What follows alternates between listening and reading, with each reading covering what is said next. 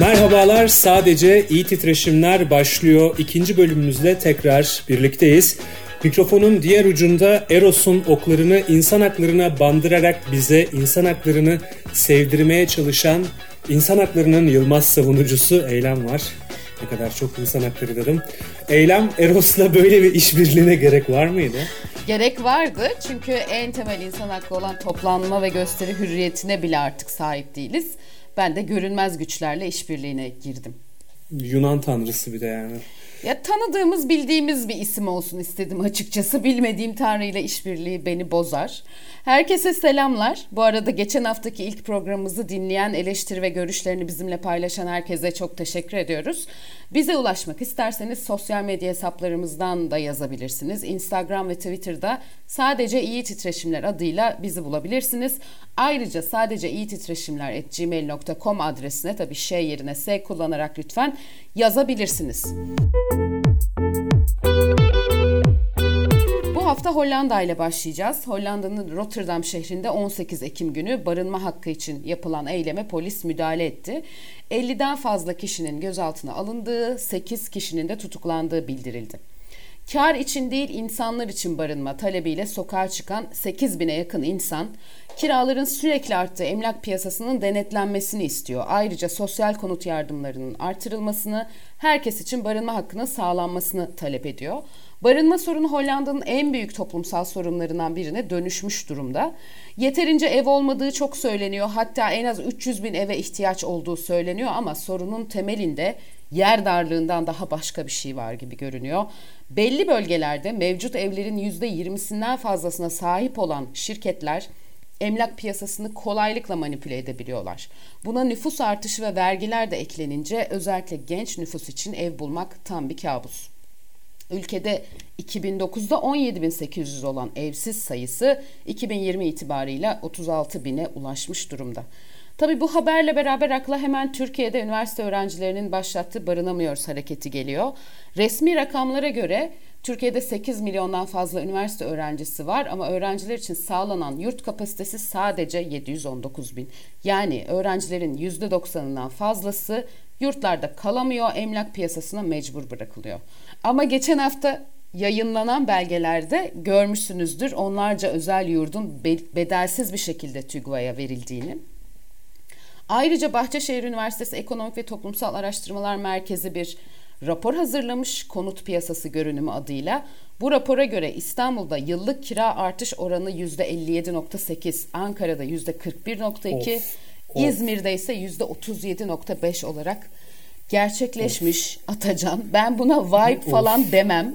Of. Ben buna yıkılsın of. gitsin böyle devran derim. Sen ne dersin? Bu kadar sert girmeye gerek var mıydı bu haftaki programa onu düşündüm şimdi tamam evet yani e, üzücü rakamlar bunlar insanın gerçekten e, önüne bakmasına engel teşkil eden yüzdelikler artışlar ama ben de buna yani kesinlikle vibe ves- vesaire diyemem buna insanın gönlünden geçen titre oligarşi oluyor ama bilemiyorum. umuyoruz. Umuyoruz öyle olur.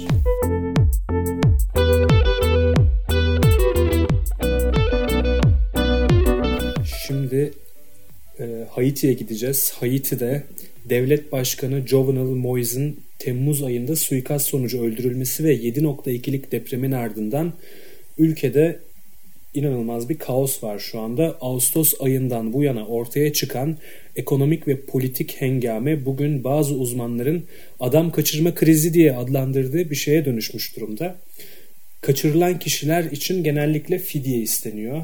Geçtiğimiz hafta cumartesi günü gerçekleştiği gibi gündemi sarsan bir kaçırma eylemi yaşandı. 17 kişilik bir misyoner grubu hedef alındı. Kaçırılan kişilerin biri Kanada, diğerlerinin ABD vatandaşı olduğu söyleniyor ve üstelik bu kişiler arasında 5 tane çocuk hatta bunlardan birinin daha 8 ya da 10 aylık bir bebek olduğu söyleniyor. ABD'nin Ohio merkezli Christian Aid Ministries isimli kuruluşu yaptığı bir açıklamada konuya ilişkin e, misyonerlerinin kaçırıldıkları sırada bir yetimhane inşasına katılacaklarını söyledi. Haiti'de yayın yapan Aibo Post isimli mecranın yayın yönetmeni Vidlor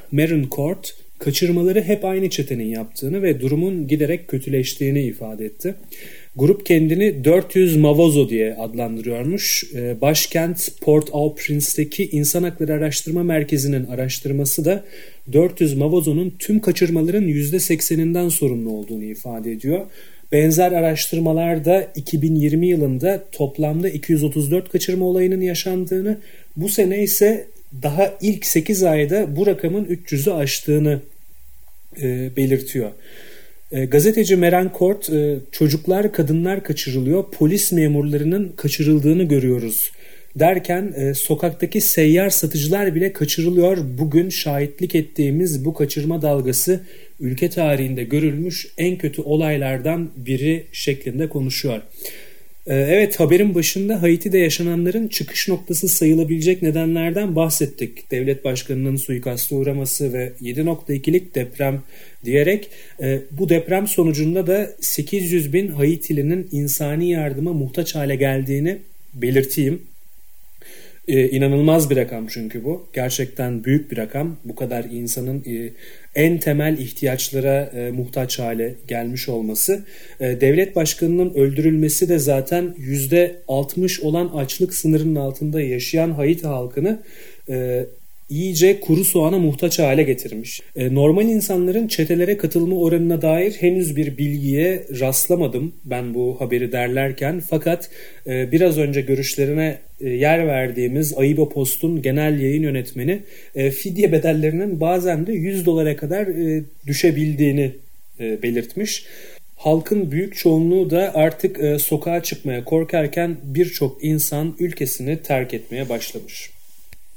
Ne yazık ki son derece korkunç bir haber oldu bu Atacan. Yani bir tarafta %60 açlık sınırı, insani yardıma muhtaç hale gelmek, 100 dolar gibi bedellere e, karşılık olarak insanların kaçırılması. Yani sokağa çıkamıyorsun, yaşayamıyorsun, beslenemiyorsun. Gerçekten çok korkunç.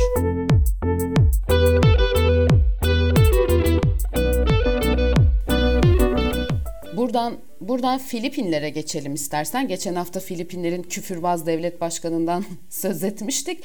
Öldürülen gazeteciler kesin bir şey yapmıştır diyordu ve kusura bakmayın ifade özgürlüğü sizi korumaz diyordu. Ayrıca kontra faaliyetlerine ve yargısız infazlara katıldığını da reddetmeyen, bununla adeta gurur duyan bir devlet başkanı Duterte. Yakında görev, görev süresi doluyor 2020'de emekliye ayrılıp Uluslararası Ceza Mahkemesi ICC'nin hakkında başlattığı soruşturma için savunmasını hazırlamayı düşündüğü bildiriliyor bazı haberlerde. 15 Eylül'de başlayan resmi soruşturma karşısında Duterte ilk olarak ICC'nin ülkede soruşturma yetkisi olmadığını, çünkü 2011'de imzalanan anlaşmanın resmi gazetede yayınlanmadığını iddia etmişti. Ve ICC, Yayınlamıyorum kardeşim demiştir belki. Yani Yayınlamıyorum. anlaşmayı imzalıyor devlet başkanı ama bu resmi gazetede yayınlanmamış deyip bir sonraki devlet başkanı onu yetkili saymıyor. ICC yetkililerini de Filipinlere sokmam demişti. İnsan Hakları İzleme Örgütü HERE ve Filipinler'de Duterte'nin iktidarındaki o uyuşturucuya karşı savaş adı altında en az 12 bin kişinin öldürüldüğünü, bu sorumluların da insanlığa karşı işlenmiş suçlar kapsamında yargılanması gerektiğini vurguluyor. Filipinler'de seneye yapılacak devlet başkanlığı yarışı için, seçimleri için 97 aday yarışacak. Ee, Rodrigo Duterte'nin, şimdiki başkanın kızı Sara Duterte'nin de adaylığını açıklaması bekleniyor. Bu zaten şey Bununla değil miydi? Çok... Bu kızı geçen hafta anlattığın haberden hatırladım. Kızına belediye başkanlığını bırakıp devlet başkanlığına geçiyor. Şimdi de Evet. Neyse ben bölmeyeyim de. Evet aynen öyle. Aynen öyle. Yani 22 yıl boyunca Davao kentinin belediye başkanlığını yaptıktan sonra devlet başkanlığına zıplamış Rodrigo Duterte. Kızını bırakarak zıplamış. Şimdi de acaba devlet başkanlığını da o geçecek mi e, gibi bir beklenti var. Sara Duterte'nin devlet başkanı olması Uluslararası Ceza Mahkemesi karşısına çıkacak olan Rodrigo Duterte ve işte eski polis müdürleri onlardan biri de e, devlet başkanlığına aday. Onlar için son derece kurtarıcı bir hamle olabilir tabii. Yani bu tartışmanın neden yapıldığını e, soracak olursanız bu iyi bir cevap. E şimdi demek ki böyle babadan kıza seneler boyunca iktidarlar geçiyor mu? Yani Filipinler'de olmuyordur herhalde bu sadece ama çok il, ilginç geldi bana bana. Babasından kızına çok kullanılmış başkanlık koltuğu diye mi veriliyor yani bu ilginç. Ee, bize de keşke bir yazlık bıraksalar diye düşünüyorsun değil Güzel mi Atacan? Işte, yani en iyi durumda babadan bir daire en şey durumda en mükemmel durumda evet bir Kuşadası'nda bir yazlık eski bir yazlık kalabilir. Belki. Evet şimdi Filipinler'den geçen geçen hafta da söz etmiştik. Bu hafta da söz ediyoruz. Korkum o ki e, Filipinler devlet başkanından bir kez daha söz edersek ilk defa yabancı bir ülkenin devlet başkanına hakaretten hakkımızda bir takım bir şeyler başlatılır gibi bir endişem de olmadı değil Ataca.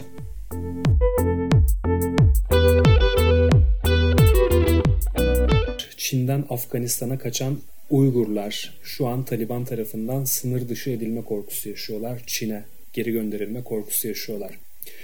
1961'de Uygur Türk'ü Muhammed'in o zamanlar henüz genç birer yetişkin olan ebeveynleri Tibet sığırlarına ve atlara yükleyebildikleri kadar eşyasını bağlayıp tepelerine kar düşmüş Pamir dağlarına doğru yola koyulurlar. Hedef Afganistan'dır. 1950'li yıllardan itibaren Çin'in baskılarından kaçmak için tarihi hac ve ticaret yolunu tepen yüzlerce Uygur ailesinden biri oluvermiştir Muhammed'in ebeveynleri. Bu Uygur Türkleri o zamandan beri Afganistan'ın çeşitli bölgelerine yerleşmişler, artık Afgan vatandaşları olarak yeni yaşamlar kurmuşlardır. Fakat bugün Taliban ülkedeki varlığını pekiştirirken diğer tüm Afgan vatandaşları gibi onlar da ülkeden kaçmak zorundalar. Yalnız Uygurlar ikinci bir tehditle karşı karşıyalar. Taliban tarafından Çin'e geri gönderilme tehlikesi. Çünkü Çin 21. yüzyılda çalışma kampları ve zorunlu kısırlaştırmalarıyla Nazileri aratmıyor. Pekin yönetimi bu insan hakları ihlallerinin tümünü reddetse de Afganistan'daki Uygur Türkleri geri gönderilmeleri halinde kendilerini neyin beklediğini çok iyi biliyor. Şimdilerde 45 yaşında olan Muhammed, Amerikan Halk Radyosu'na verdiği röportajda Taliban'dan korkuyoruz ama Çin'den de korkuyoruz diyor. Bu korkunun dayanağı ise Taliban'ın önemli isimlerinden Molla Abdulgani'nin geçtiğimiz Temmuz ayında Çin Dışişleri Bakanı ile Çin'de görüşmüş olması. Çin'in herkesten önce Taliban'la resmi görüşmeler yapıyor olmasının gerekçesi ise bağımsız bir Uygur devleti hedefleyen Doğu Türkistan İslami Hareketi'nin yani kısaca DİTİ'nin kendi topraklarına olası saldırısı. Çin 90'ların sonunda kendi topraklarında ve 2016 yılındaki Kırgızistan'daki büyükelçiliğinde gerçekleşen şiddetli saldırılardan DİTİ'yi sorumlu tutuyor. Ve ABD'nin bölgeden çekilmesiyle bu grubun Afganistan'da eğitim görüp yine kendisine saldırmayacağından emin olmak için şimdi de Taliban'dan güvence istiyor. İki tarafın geri gönderme konusunda uzlaşmasından oldukça korkan Uygurlarsa Taliban'ın güce sahip olmasıyla birlikte zaten mağdur olmaya başladıklarını söylüyor. Kabul doğumlu 27 yaşındaki Uygur Türk'ü Abdülaziz Nasiri bugün İstanbul'a kaçmış. Taliban üyeleri akrabalarımın evlerine gidip kızlarının nerede olduğunu soruyorlar. Bu da akrabalarımın ve ailemin kızlarının zorla evlendirileceği hakkında endişelenmesine yol açıyor. Bu yüzden kimse artık Afganistan'da yaşamak istemiyor, diyor.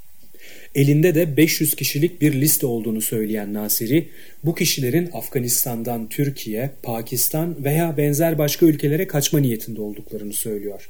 Georgetown Üniversitesi'nden Sean Roberts, Uygurlar her ne kadar Taliban gibi İslam dinine tabi olsalar da dini yaşayışları bambaşka. Uygurlar için çocuklarının iyi bir geleceğe sahip olabilmesi bakımından cinsiyet eşitliği çok daha önemli. Dindar olsalar bile şeriat belirleyici değil diyor. Amerikan askerlerinin 2002 yılında bölgeye gelişiyle birlikte rahat bir nefes alan Muhammed ve ailesi normal bir 20 sene geçirmiş. Kendisi değerli taş ticareti yaparken doktor olan eşi bir devlet hastanesinde çalışmış. En büyük kızı daha bu sene hukuk fakültesini bitirmiş. Oğluysa gazetecilik eğitimini sürdürüyor. Ne var ki Taliban'ın gelişiyle hayatları durma noktasına gelmiş. Ağustos ortasında Aşure bayramında akrabalarıyla acilen buluşmuşlar.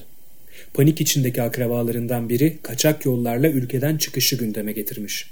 Muhammed önceliğini yaşları 12 ila 24 arasında değişen 5 çocuğunu istikrarlı bir ülkeye göndermek olarak belirlese de eşi ve çocuklarıyla Afganistan'da sıkışıp kalmış. Muhammed şu sözleriyle hikayeyi sona erdiriyor. Annem babam yıllarca süren bir savaşın içinde yaşadı ve ben de bir kere daha savaşın tüm zorluklarıyla karşı karşıyayım. Oysa tek isteğim çocuklarımın eğitim alabileceği ve huzur içinde yaşayabileceği bir yer. Evet bu sarsıcı haber bana şunu hatırlattı. Yani Doğu Türkistan Türk yurdudur diyenlerin Taliban'la nasıl olup da el sıkıştıklarını herhalde birileri sorar. Ee, geçen hafta verdiğimiz İtalya haberinin devamı niteliğinde bir haberle sürdüreceğiz programı şimdi. İtalya'da faşizme karşı ortak eylem yapıldı. 200 bin kişi sokağa çıktı. Ne olmuştu? İtalya'da faşist Forza Nuova isimli neo-nazi örgütlenmesi geçen hafta hükümetin iş yerlerinde yeşil geçiş uygulamasının protestosunda işçi sendikası e, Cigil'in binasına saldırmıştı. Yapılan faşist saldırıya sessiz kalınılmadı ve faşizm bir daha asla sloganıyla bir protesto gösterisi düzenlendi. 60 milyonluk İtalya'da tam 10 milyon üyesi olan Cigil şüphesiz ülkenin en güçlü sendikal organizasyonu. Bu rakamı görünce insan ister istemez Türkiye'de durum nasıl diye düşünüyor. Türkiye'de ise 31 Ocak 2021 tarihli resmi gazetede çıkan Çalışma ve Sosyal Hizmetler Bakanlığı'nın paylaştığı verilerde 14 milyon 371 bin 96 işçiden sadece 2 milyon 69 bin 476'sının bir sendikaya üye olduğunu görüyoruz. Bu da yalnızca %14.4'de eşit oluyor. İtalya'da ise durum tam tersi. Neredeyse sokaktaki her 6 kişiden biri Cigil'in üyesi diyebiliriz. E, yapılan ortak açıklamada Cigil Genel Merkezi'ne yapılan faşist manga saldırısı tüm İtalyan sendikalara, iş dünyasına ve demokrasimize yönelik bir saldırıdır. Neofaşist ve neonazi örgütlerin dağıtılarak zarar veremeyecek hale getirilmesini talep ediyoruz denildi. Ee, sen Türkiye'deki sendikalaşmanın durumuna dair verilerden bahsettin. Ben dinleyicilerimize kesinlikle iyi bir titreşim vereceğini düşündüğüm bir haber paylaşmak istiyorum. 1280 gündür süren Kargil direnişi Tek Gıda İş Sendikası'nın yetki almasıyla sonuçlandı. ABD menşeili bir firma olan Kargil şirketi 2018 yılında Türkiye'deki fabrikasındaki 14 işçiyi küçülme gerekçesiyle işten çıkarmıştı ama asıl neden işçilerin sendikada örgütlenmeleriydi. İşçiler işe iade davası açtılar, kazandılar. Üstelik mahkeme Kargil şirketini sendikal faaliyeti engellediği için tazminat ödemeye mahkum etti ama yine de bu işçiler işe geri alınmamışlardı.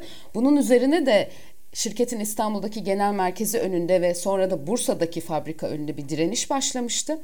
Sendikanın örgütlenme sekreteri İbrahim Ören bu hafta yaptığı açıklamada eyleme geçici bir süre ara verdiklerini, iyi niyet göstergesi olarak eylem çadırını kaldırdıklarını duyurdu. Çünkü sendika fabrikada yetki aldı. İşvereni de emekçilerin sendikalı olmasına artık saygı duymaya ve müzakereleri başlatmaya çağırdı. Türkiye'de işçilerin sendika üyesi olması durumunda işverenin genelde ilk hamlesi işten çıkarma oluyor. Ama üç buçuk yılda sürse işçilerin örgütlenme hakları için direndiklerini görmek güzel. Bu direnişin daha da olumlu sonuçlanmasını umuyoruz ve başka yerlerde de işçilerin sendikalı olma özgürlüklerini kullanabilmelerini istiyoruz.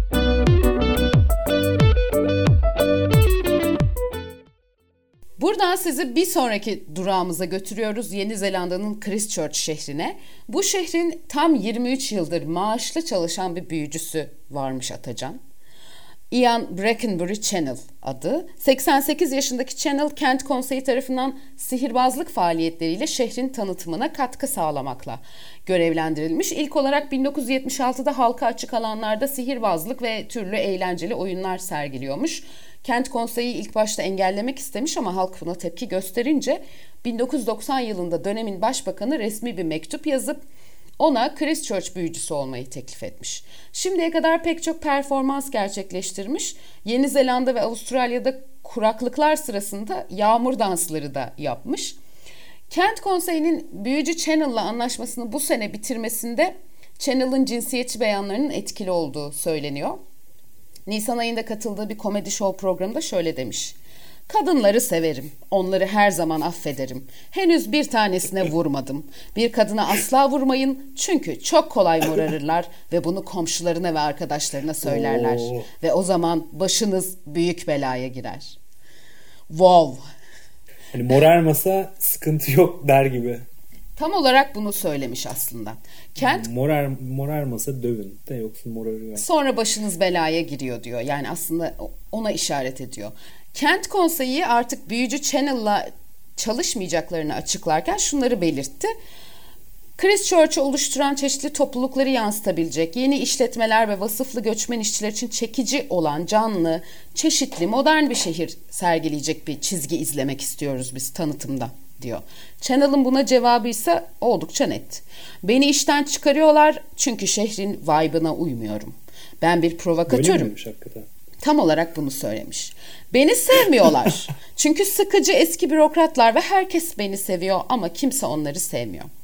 Christchurch şehrini 2019 yılında bir camiye ve bir İslam merkezinde yapılan silahlı saldırılardan belki hatırlayacaksınız. 51 kişi ölmüş, 49 evet. kişi yaralanmıştı. Başbakan Yasin Ender o zaman taziye ziyaretinde başörtüsü takmış ve ülkede yaşayan Müslüman topluluklara bir dayanışma mesajı vermişti. Christchurch etnik açıdan ve dinsel açıdan oldukça çeşitli toplulukları barındıran bir şehir. Ayrıca yoğun göç alıyor çünkü ülkenin ikinci en büyük endüstri şehri. Kadınlar çabuk morarır diyen bir büyücünün buranın vibe'ına uymaması da ben hiç şaşırmıyorum. Açıkçası madem büyücüsün yap bir numara azıcık anlayışını geliştir. Biraz şöyle çağa ayak uydur büyücü adam demek istedim. Hiç. Gerçi Hiç. Çok haklısın. Gerçi bir yandan da Atacan acaba yeni bir büyücü arayışları var mıdır diye düşünmeden de edemedim. Yani şöyle vibe'ı yüksek modern çeşitlilik falan böyle bir isim arayışları varsa ben başbakandan mektup bekliyorum. Adresimi bildireceğim. Evet bir şey kaldı mı diye bakıyorum şu an. Anlatacağımız başka bir şey var mı diye bakıyorum. Kemal Kılıçdaroğlu'nun bürokratlara olan pazartesiden itibaren kanunsuz emirlere uymama çağrısı epey ses getirdi. O var bu hafta ama sana söyledim. Bunu anlatmak ister misin dedim. Evet.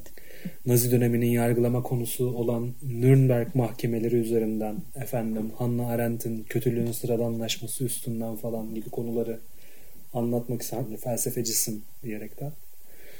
Ama istemedim. Evet. Onun yerine gene bana bütün gün Müge Anlı izleyip antropolojik tespitler yaptın. Bu konu hakkında konuşabilirdik ama merak eden Ruşen Çakır dinlesin ya. Şimdi Bana. ben senin bu konudaki hevesini asla kırmak istemem biliyorsun. Bil, bilmiyorum bir Kemal Kılıçdaroğlu konuşmak istiyorum arada sırada. Ama şimdi bana böyle kötülüğün sıradanlaşması dedin. Sonra dedin ki vay efendim her yiğit felsefeci gibi sen de konuyu Hegel'e getirmek istemez misin dedin. Şimdi ben her, evet. her işi e, Çünkü... uzmanına bırakma taraftarıyım. O yüzden ben sana Müge Anlı'dan çeşitli kesitleri anlatırsam Buradan. daha hakkını veririm diye düşünüyorum.